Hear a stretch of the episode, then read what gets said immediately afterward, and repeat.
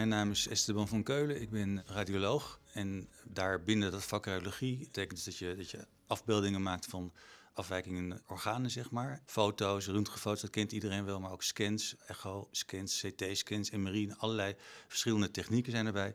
Maar wat binnen mijn vak uh, mijn voorkeur heeft en mijn liefde heeft, is de mammografie. Dat betekent alles wat met borsten te maken heeft. En daarbuiten ook buiken, maar de mammografie, dat is echt wat, uh, wat me enorm trekt. En waarom? Ja, dat is zo gegroeid eigenlijk. Ons vak is zo uitgebreid dat je nooit alles van top tot teen kan weten. En waarom het nou juist die borsten is geweest, dat weet ik eigenlijk niet zeker. Misschien wel omdat ik vroeger ooit plastisch chirurg uh, had willen worden. Maar dat was niet zozeer vanwege de borsten, want het sprak mij veel meer aan om uh, dingen die kapot waren, zeg maar. Die, die, um, kan me heel goed herinneren dat ik op middelbare school een kennis tegenkwam die bijna geen neus meer over had, doordat ze daar kanker had gehad aan haar huid. Een grote ja, krater, echt afschuwelijk uitziend iets. En dat ik bij haar bezoek ben geweest in het ziekenhuis in Amsterdam. En dat ik zag hoe ze met de, de plastische chirurgen dan met een bepaalde reconstructie vanuit haar vel, uit de buik, dat steeds oprollende naar boven toe, dat helemaal hebben kunnen repareren. Dus toen dacht ik als kind, eh, nadat ik uh, al andere dingen eerst heb willen worden, ik wil wel plastisch chirurg worden. En toen ik dat daarmee bezig was, toen ja, heb ik toch veel met borsten ben ik bezig geweest. Dus je hebt er wel een bepaalde affiniteit mee. Ik ben Albine Hellingman. Ik ben oncologisch chirurg hier in Tergooi sinds twee jaar.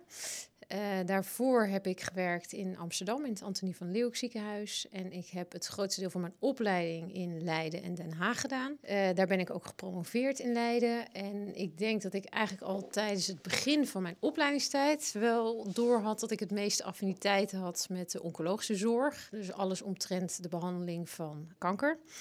Uh, waarbij van het begin af aan het borstkankerteam mij het meest uh, aansprak. Uh, ja, dat is toch een bepaalde affiniteit die je hebt met dit type zorg, waarbij uh, de patiëntgerichte zorg heel belangrijk is. Het is een heel stukje persoonlijke zorg, begeleiding wat je patiënten geeft. Als chirurg kan je patiënten ook vaak beter maken met uh, de chirurgische behandeling. Dat, vind ik, dat maakt het vak voor mij heel erg tastbaar. Dat handenwerk waarmee je zulke goede effecten kan uh, bereiken. Ja, daar word ik nog dagelijks heel uh, gelukkig van. En het is een heel multidisciplinair vak. Je hebt met vele specialisten te maken, met verpleegkundigen, met een groot team. En dat vond ik van het begin af aan hartstikke leuk om daar een rol in te spelen. Niet het makkelijkste vak. Nou ja, doordat je ook, uh, wat Espen net vertelt, je specialiseert in een subgebied binnen de chirurgie, kan je daar ook in excelleren. Je kan daar goed in worden, doordat je dat heel vaak doet, daar heel veel van leert. Ja, als je daar uh, affiniteit mee hebt, dan kan je daar echt heel goed in worden. Had je die affiniteit al toen je een jaartje of acht, uh, negen? Mijn vader was chirurg, dus ik zag van huis uit wat dat, hoe erg dat was en wat dat vak inhield. Ja. En ik had daar wel zo mijn bedenkingen bij. En op het moment dat ik mijn studie moest gaan kiezen, ben ik werkelijk alle uithoeken gaan opzoeken. Uh, psychologie, pedagogiek, rechten. Ik heb alles bekeken uh, om te maar onder die geneeskunde uit te komen. maar de geneeskundefaculteit was toch echt het allerleukst. En daarna, toen dacht ik, nou, dan zal het wel iets van kinderarts worden. Dat leek me allemaal leuk. En ik heb ook nog een tijdje onderzoek in het Sofia Kinderziekenhuis gedaan. Maar dan ga je als co-assistent aan de slag. En dan merk je dat je ontzettend blij, of ik werd heel erg blij van het, het handenwerk wat je op een operatiekamer of een polyklinische operatiekamer uh, kan doen. Dan wordt je wel duidelijk dat je, of is mij duidelijk geworden dat de chirurgie, dat vond ik fantastisch. Daar, daar lag mijn hart. En op een dag dan werk je hier in te gooien. In juni 18 kwam ik hier.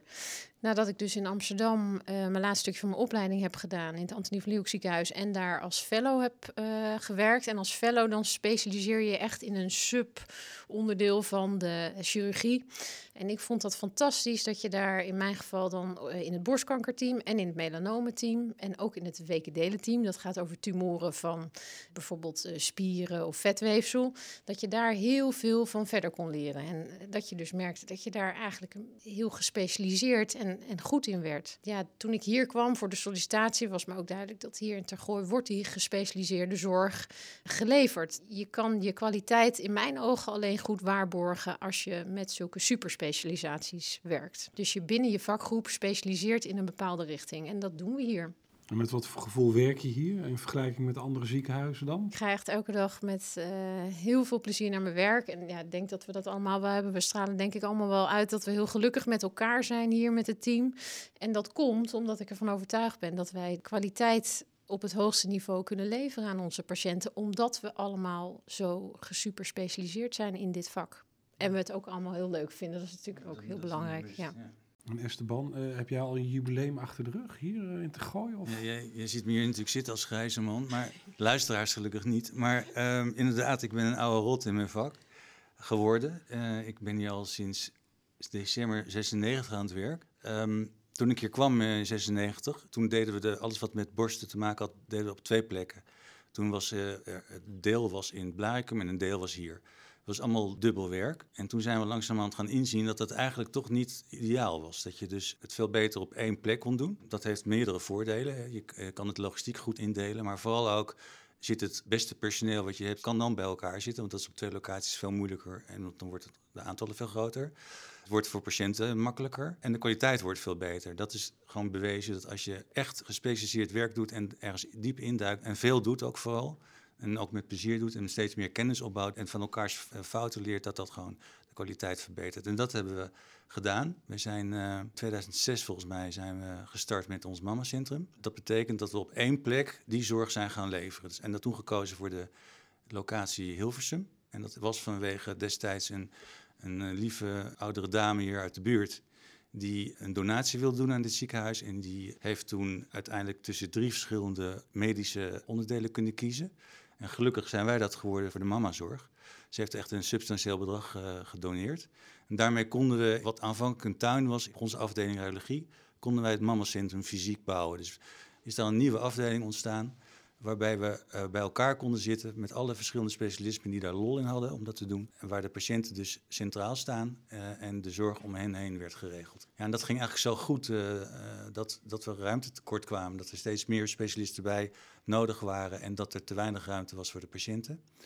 Um, dus we hebben dat van, vanaf 2006 zo kunnen doen. Maar twee jaar terug, 2018, hebben we, ondanks dat er een verbouwing, nieuwbouw gaat gebeuren of aan de gang is nu en dat er een nieuw ziekenhuis komt, dat we toch een nieuwe afdeling konden neerzetten na een verbouwing met veel meer ruimte voor alle artsen, maar vooral ook veel meer ruimte voor uh, de patiënten.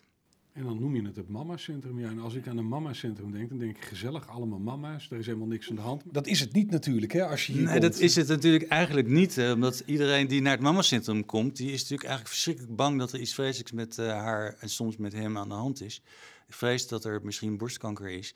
Dus dat is niet echt uh, leuk, dat klopt. Dus heerst een ges gespannen sfeer. Dat is ook een van de redenen dat de oude wachtkamer die we hadden, was echt heel klein, met twee rijen tegenover elkaar. Waarbij het voorkwam dat vrouwen echt de meest vreselijke verhalen vertelden over wat ze hadden meegemaakt of wat de buurvrouw had meegemaakt. En dat de mensen die al gespannen binnenkwamen, eigenlijk alleen nog maar meer nerveus en, en angstig werden.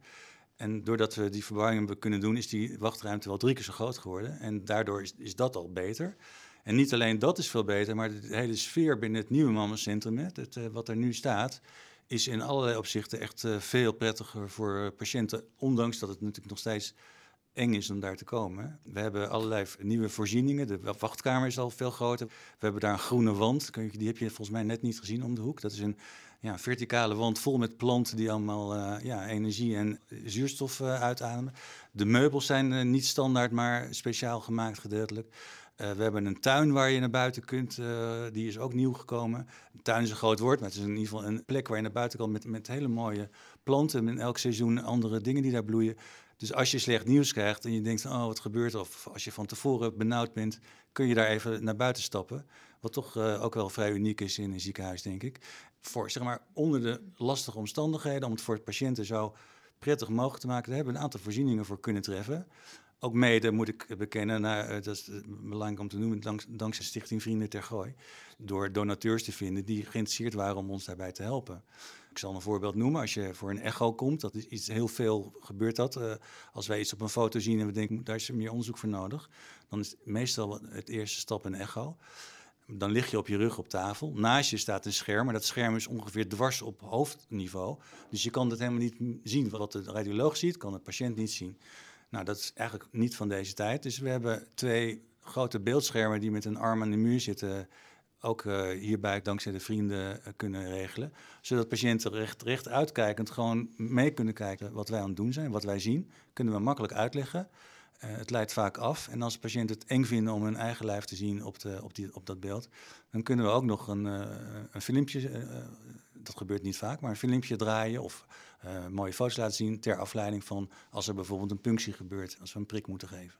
Nou, dat is ook een voorbeeld van om iets voor onder de omstandigheden voor patiënten zo, nou, lollig wil ik niet zeggen, maar toch zo prettig mogelijk te, te maken. En daar hebben we een aantal voorbeelden van. Um, wat het Mama Centrum van Tergooi wel uniek maakt, denk ik, uh, en onderscheidt uh, van vele andere ziekenhuizen, is dat we hier met alle specialisten op dezelfde afdeling zitten. We hebben de kamers tegenover elkaar, waarbij we voortdurend bij elkaar in en uitlopen. Dat houdt dus in dat ik heel vaak bij de radioloog naar binnen loop om daar achter de grote schermen te kijken naar de beelden die er gemaakt zijn van de borsten. Dat we ook uh, mogelijkheden hebben om bijvoorbeeld oudere patiënten eh, samen met verschillende specialisten te zien.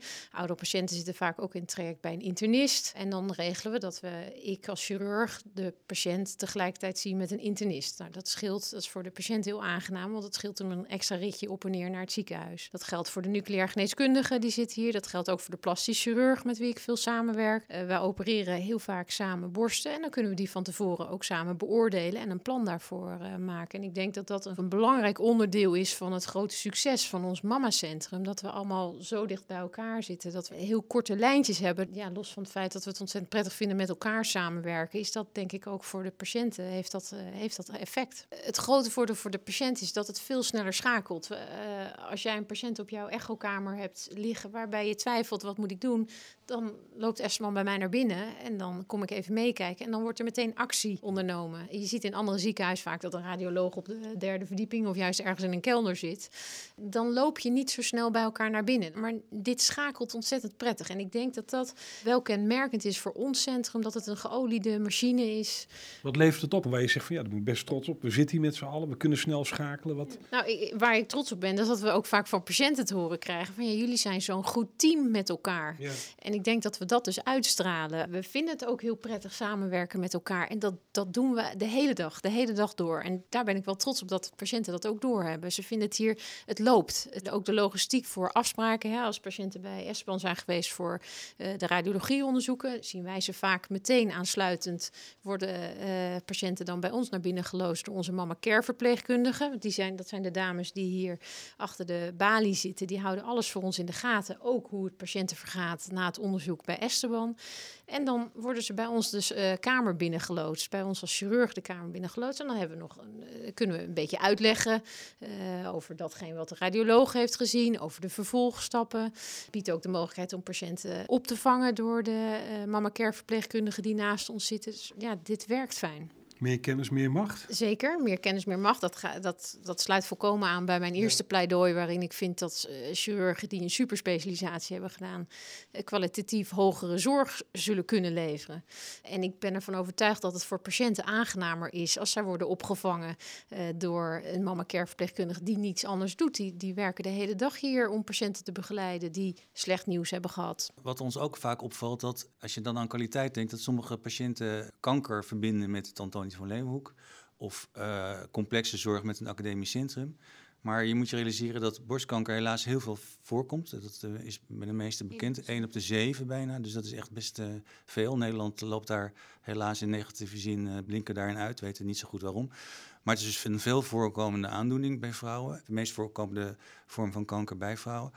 Uh, en dat is helemaal niet beter in een academisch centrum. Sterker nog, het aantal borstoperaties in academisch centra zijn veel minder dan we hier zouden doen. Dus wij kunnen in Tergooi echt dingen, zeker in het mamacentrum, ontzettend goed zelf aanbieden en oplossen en organiseren. Dat geldt ook voor andere specialismen binnen Tergooi. We kunnen ook prima veel voorkomende aandoening als hartaandoeningen in de zin van dat je een hartinfarct krijgt, kunnen we ook prima acuut oplossen. Daar hebben we ook gespecialiseerde en getrainde dokters in. En daar ligt natuurlijk de kracht van ons, dat we in bepaalde dingen gewoon echt Excelleren. Klinkt een beetje blasé, maar misschien mag ik het zeggen. Excelleren.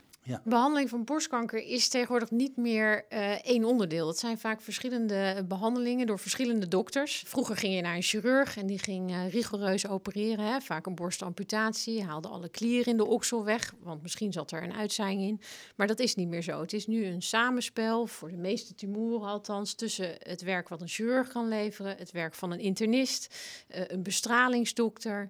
Dus dat is wel heel belangrijk om die disciplines bij elkaar te hebben, zodat je een aaneenschakeling van goede behandelingen goed kan laten lopen. Een internist die behandelt een patiënt met borstkanker met chemotherapie of een immunotherapie of antihormonale therapie. dat zijn allemaal therapieën die via de bloedbaan in het hele lichaam aankomen. Ik noem mezelf altijd een lokale dokter. Ik kan borstkanker uit een borst weghalen. Ik kan dat ook uh, oksel weghalen, maar daar houdt het wel een beetje bij op.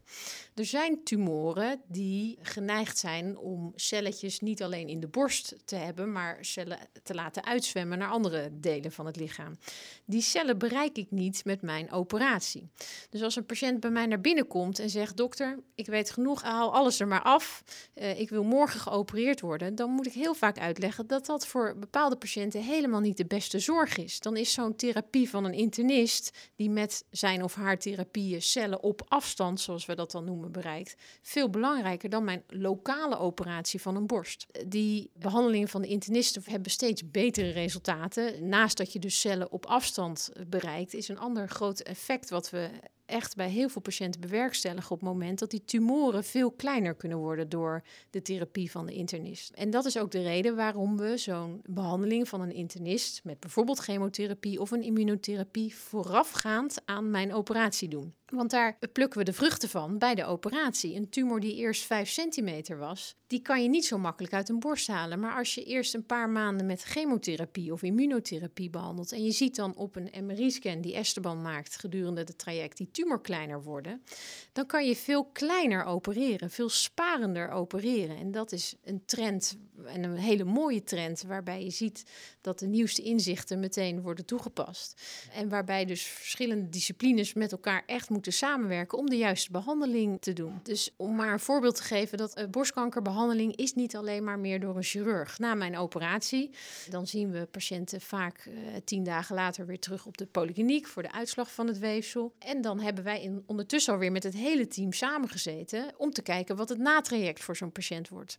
Als een patiënt borstsparend geopereerd is, dan moet daar vaak nog bestraling volgen van de borst. Dus dan moeten de bestralingsdokters er nog bij gehaald worden. Soms is er nog een indicatie voor een antihormoontherapie en dat doet uh, de internist weer. En heel af en toe moet er nog aanvullende chemotherapie gegeven worden. Dat moet allemaal weer aansluiten op mijn consult, waarin ik dus een patiënt vertel wat de uitslag van het weefsel is na de operatie om aan te geven hoe belangrijk het is dat we met z'n allen op het centrum bij elkaar zitten. En dan heeft Alwine het alleen nog over de borst, maar wat ook een belangrijke verandering en een item is, is van, is, het, is de ziekte beperkt tot de borst? Gaat het verder tot de klieren en dan in eerste instantie in de oksel of verder? Maar ook daar werken we heel erg nauw samen. Dus ik, als, zodra ik denk dat er sprake is van borstkanker, kijk ik altijd ook naar de oksel.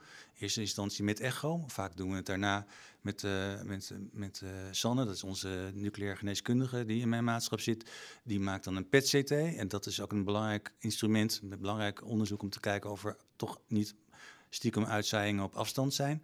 En dan daarbij zie je bijvoorbeeld ook die okselklieren. En daar zijn weer studies naar gedaan. Dat zeker vroeger de behandeling van de oksel veel te rigoureus was. Elwine die heeft het al even aangestipt uh, eerder, geloof ik.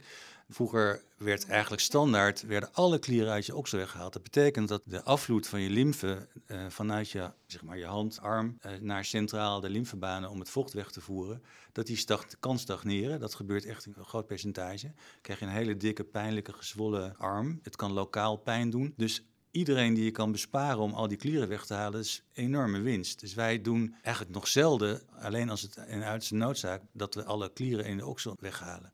En dat hangt allemaal af van teamwerk, de beeldvorming, hoe beoordeel je de beelden. En dat kan dus heel goed in de setting zoals we dat nu doen. Welke behandelmethoden zijn er? Ja, borstkankerbehandeling is niet meer vanuit één discipline. Je hebt daar dus verschillende dokters, verschillende specialisten bij nodig.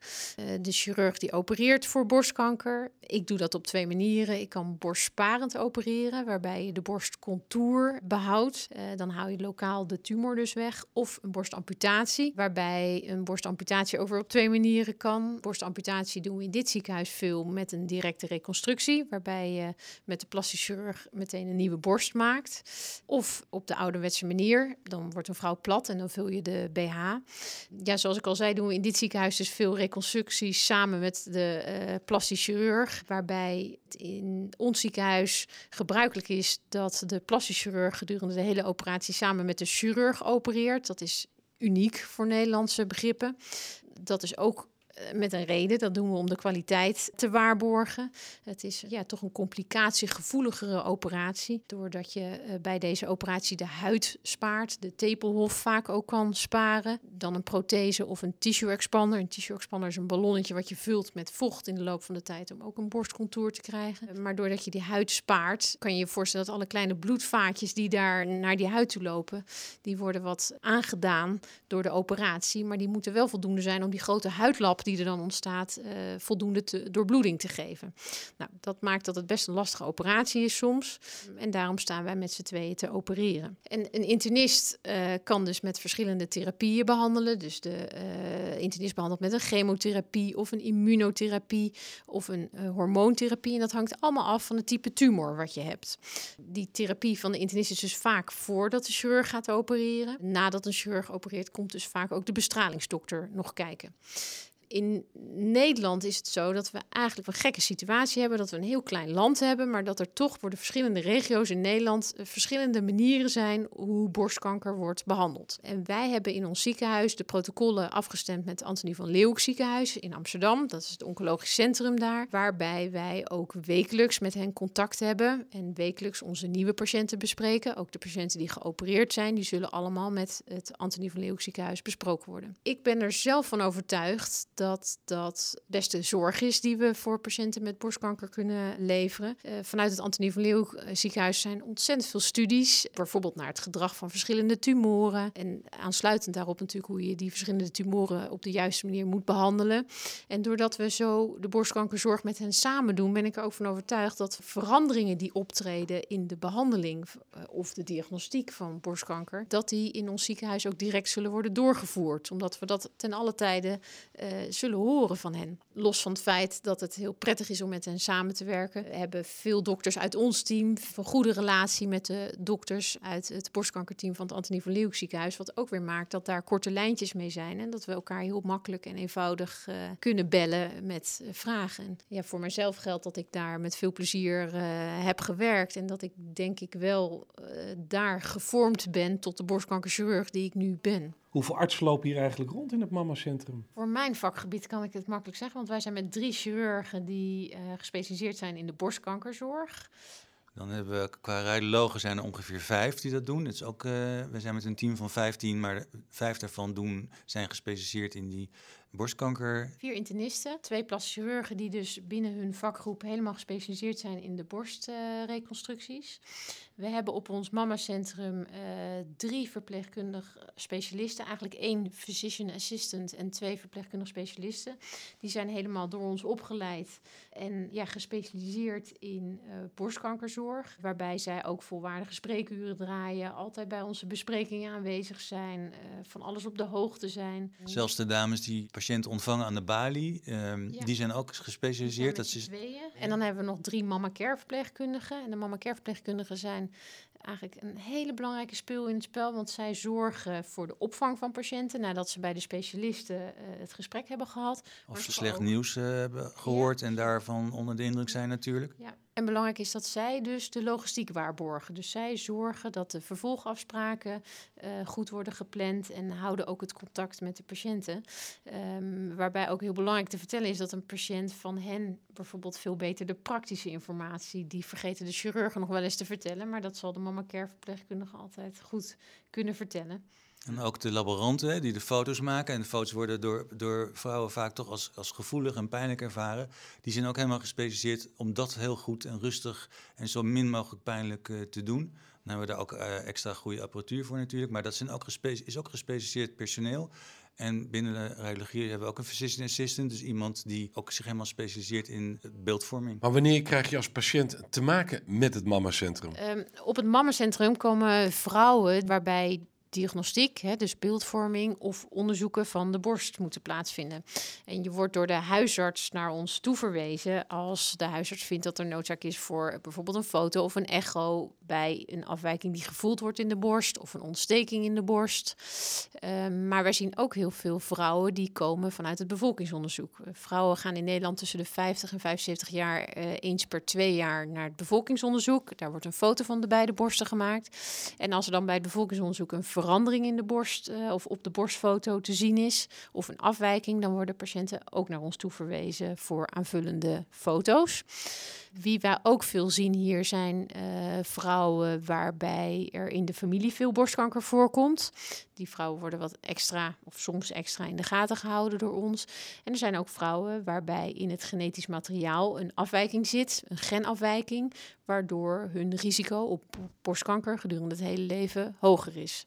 En voor die categorie vrouwen is er een speciale follow-up bedacht, waarbij de foto vaak afwisselend met een MRI-scan van de borsten wordt gemaakt en het lichamelijk onderzoek jaarlijks uh, plaatsvindt. Betekent binnen één dag diagnose dat je ook binnen één dag weet als patiënt waar je aan toe bent? Uh, vaak wel, helaas niet altijd. Het, het komt erop neer dat als je uh, bang bent dat er misschien iets ernstigs aan de hand is in de zin van borstkanker, dat je heel snel bij ons terecht kan. Dat je dan in eerste instantie, wat uh, ook zei, maken we een foto. We doen een, vaak een aanvullende echo om te kijken of wat is. Als we wat zien waarvan we denken dat is de moeite waard om te prikken, dan prikken we. Uh, maar heel vaak is er eigenlijk niks aan de hand. En dat is natuurlijk fantastisch. Dat is de, meest fijne patiëntengroep natuurlijk. Dat je ze meteen uit een ongelooflijke angst kan helpen. En kan zeggen, nou, echt, het is helemaal niks. Het, leek wat, of het is een kieste, het is iets goedaardigs... of het is iets waar je geen zorgen over te maken. En dat weet je dan binnen, nou, soms binnen uh, vijf minuten ongeveer.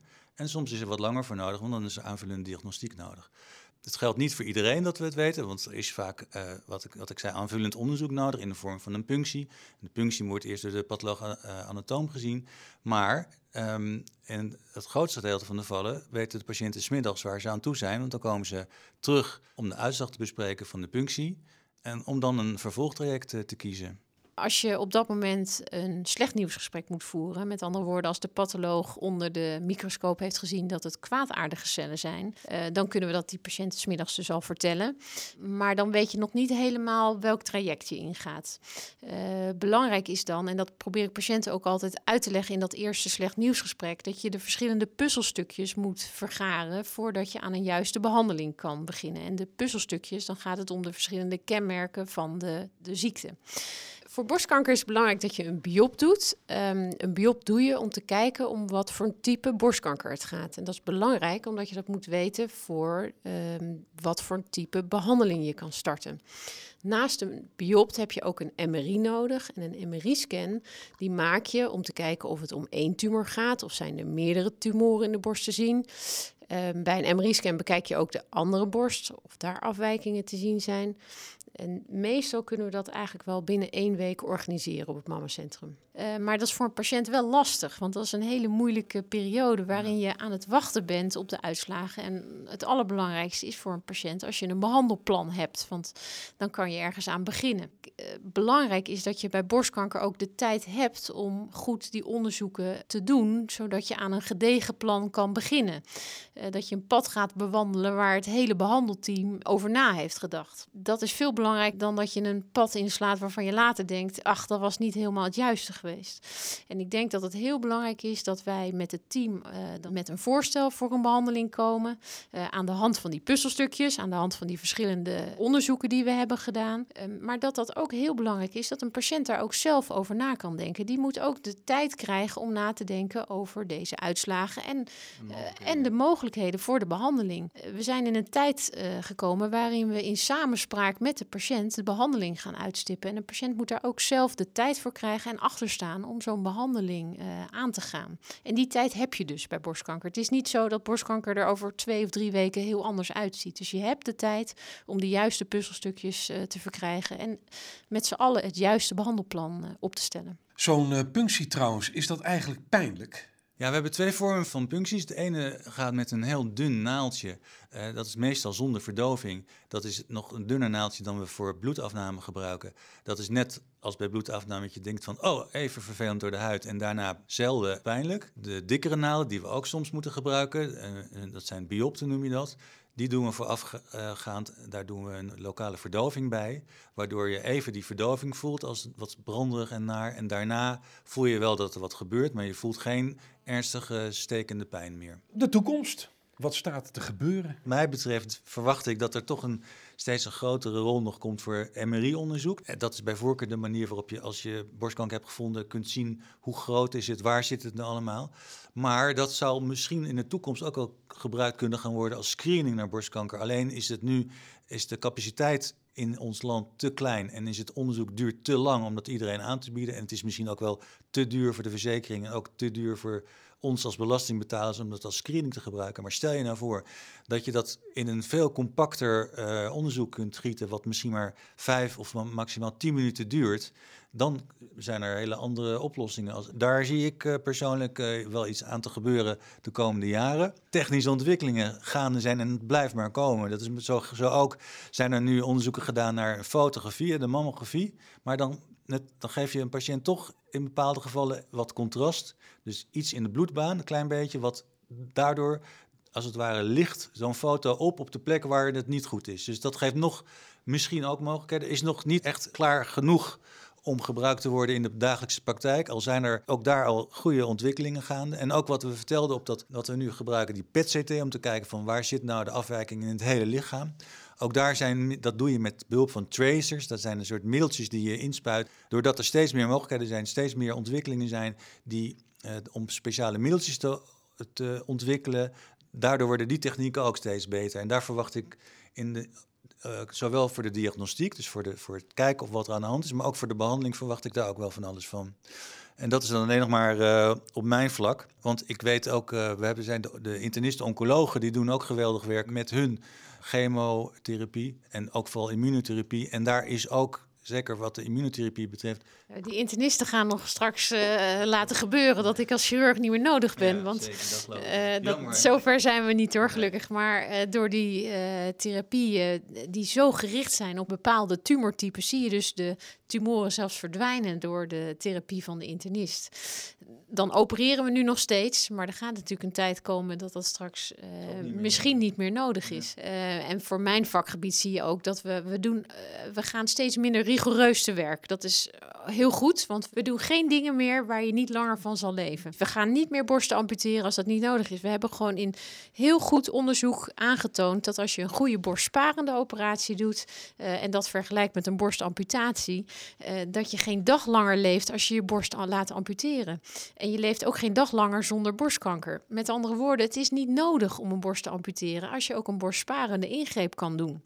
Ehm, en dat geldt ook voor de oksel, de behandeling van de oksel, waarbij we eh, toch nog niet, tot niet zo heel lang geleden alle okselklieren chirurgisch verwijderden voor een, een uitzaaiing. Zie je dat we dat nu ook heel goed met bestraling kunnen oplossen als de ziekte in de oksel beperkt is. En dat gaat gepaard met veel minder klachten, met een veel hogere kwaliteit van leven daarna. En dat is nu heel belangrijk. Je moet maatwerk leveren en, en kijken wat eh, de kwaliteit van leven hoog houdt. En dat is voor het sparende gedeelte, het sparender opereren, is de cosmetiek heel belangrijk. Je kan veel mooier cosmetisch resultaat eh, behalen als een vrouw zijn eigen, haar eigen borstcontour eh, behoudt. Heb je iets waar je met voldoening op terugkijkt in de afgelopen jaren dat je hier werkt? Als dokter grijpt het je natuurlijk, eh, sommige patiëntenverhalen grijpen je aan. Dat zou gek zijn als het je niks doet. En ik vind het toch altijd heel bijzonder eh, om te zien hoe vrouwen zo'n strijd aangaan. Want het, is een behoorlijke strijd die ze moeten leveren. En eh, als je dan een slecht nieuwsgesprek hebt, een vrouw moet vertellen dat ze borstkanker heeft, ze zwanger is van een derde kindje, twee jonge kinderen thuis. Ja, dat doet wel wat met je. En dat is een voorbeeld eh, van iets als je dan ziet dat je patiënten geneest, dat ze op een gegeven moment voor je zitten, dat, je, eh, dat ze alle hobbels genomen hebben. Ja, daar kan ik dan eh, eigenlijk intens gelukkig ook zelf van worden. En is er ook iets waar je met minder voldoening op terugkijkt? Dus het is niet alleen maar roze geur en maneschijn hè, dat we doen. Want ja, soms gaat het ook niet goed. En soms maken we ook fouten. En dat, weet je, dat is voor een radioloog echt geen grapje als je iets mist wat echt van belang is geweest. En daar heb je het ook als dokter toch moeilijk mee. Ja, en dan denk je, jeetje, hoe kunnen we dat nou de volgende keer niet missen? En ja, dat is lastig. Want er zijn momenten dat je dingen anders percipieert. Maar wat we toen besloten hebben als radioloog, en daar ben ik bijvoorbeeld heel dan weer blij mee, dat ja, kijk, die kans te verkleinen dat één radioloog iets mist, daarop heb ik ingevoerd dat alle foto's van alle patiënten door een andere radioloog ook nog een keer worden bekeken. Die worden dubbel gelezen, zodat die kans op niet zien van iets verkleint. Dat is ontzettend vervelend wanneer patiënt dan alsnog eh, wordt teruggeroepen voor verder onderzoek. Maar dat gebeurt dat we daar op die manier patiënten uitpikken en dan is het soms voor niks. Maar die paar patiënten die, waarbij het niet voor niks is, die we er dan toch uitpikken in plaats van twee jaar later. Want ze zitten bijvoorbeeld in een controle dat ze twee jaar later komen. Ja, daar, dat is echt dan meerwaarde. En ook dat is iets waar ik trots op ben, omdat ik weet dat dat in een heleboel andere ziekenhuizen niet gebeurt. Waarom zou je eigenlijk moeten kiezen voor het Mama-centrum ter Gooi? Ja, mensen denken altijd we moeten met kanker uh, naar het AVL of met, met ingewikkelde ziekten naar de academie. Maar dat is, dat is echt niet zo. Alles gebeurt zeker op dit vlak heel goed in Tergooi. Um, niet alleen goed, maar het wordt vooral gedaan door enthousiaste en gedreven mensen. Het gaat snel. De omgeving waarin het gebeurt is prettig. Onder de omstandigheden dan. Het gebeurt met hele hoogwaardige apparatuur. Uh, met nieuwste inzichten. En bovendien, doordat we niet zo'n super groot centrum zijn, ja, heb je een heel persoonlijk contact met patiënten. Word je geopereerd door de chirurg die je ook ziet op de polykliniek. Uh, zie je vaak dezelfde uh, radiologen terug voor de controles. Je leert je patiënten kennen. Je bent niet een nummer in een fabriek of in een grote ziekenhuis. Ja, het, het gaat op een hele ja, patiëntvriendelijke manier, dat hoor je toch vaak terug. En het gaat op een hoogwaardig niveau. En belangrijk is dat we alles in huis hebben om die uh, goede kwaliteit uh, te leveren. We hebben de high-tech apparatuur uh, bij jou staan om de beeldvorming te doen. onze internisten hebben alle behandelingen in huis. Dat is ook niet zo gewoon in Nederland. Maar hier beschikken we over het hele palet aan behandelingen van de internist voor mijn vak geldt dat wij als chirurgen uh, niks anders doen dan borsten opereren. En samen met de plastisch chirurg ben ik ervan overtuigd dat wij excelleren in, in Nederland met de uh, oncoplastische. Dat is de, de plastische zorg die wij samen doen aan een borst. Dat we daar heel hoog in scoren. Ja, dat we daar heel goed uh, in zijn. We zijn allemaal ontzettend gedreven, erg betrokken bij onze patiënten en allemaal ambitieus. Dat is ook heel belangrijk, want je moet ook beter willen blijven worden. En daar zijn we in het Mama Centrum iedere dag mee bezig. Bedankt voor het luisteren naar deze Tergooi podcast. Meer weten? Ga dan naar tergooi.nl slash podcast.